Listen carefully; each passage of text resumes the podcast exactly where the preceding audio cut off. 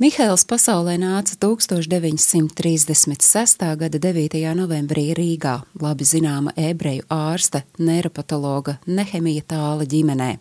Zēns piedzima gaužām vārks, viņa labajai rokai trūka divu pirkstu, kad sešu mēnešu vecumā puisēnu piemeklēja smaga infekcija ar augstu temperatūru, krampjiem un aizdomām par meningitu, ārsti izredzes izdzīvot zēnam nedeva.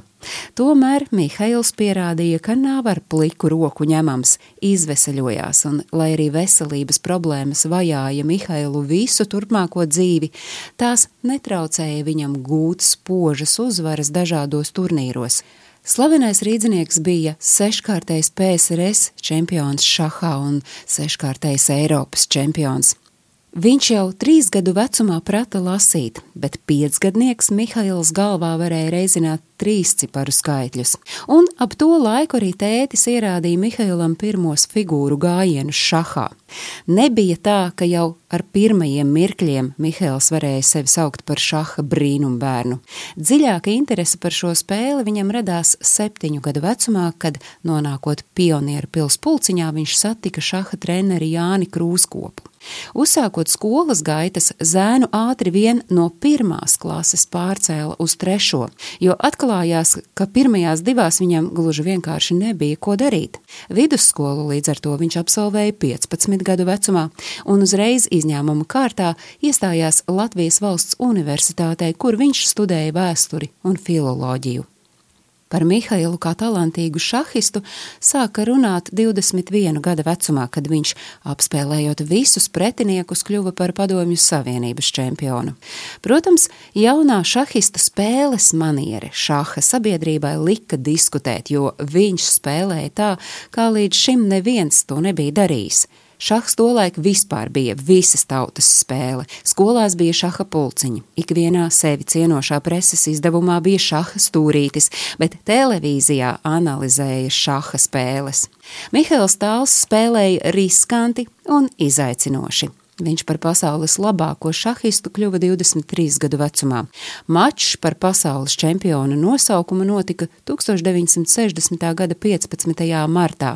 Tālam pretiniekos bija maskavietis Mihails Botviņņiks, kuru rīdznieks apspēlējis krāšņi, jo krāšņi.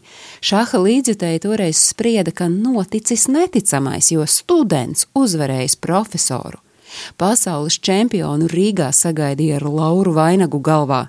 Zinātāji gan stāsta, ka pašam tālam nav rūpējuši daudzie dzīves laikā iegūtie tituli, Viņu aizrāvusi un interesējusi tikai un vienīgi pati spēle. Viņš nesot zinājis ne to, cik daudz naudas viņam kabatā, dokumentus esot zaudējis regulāri.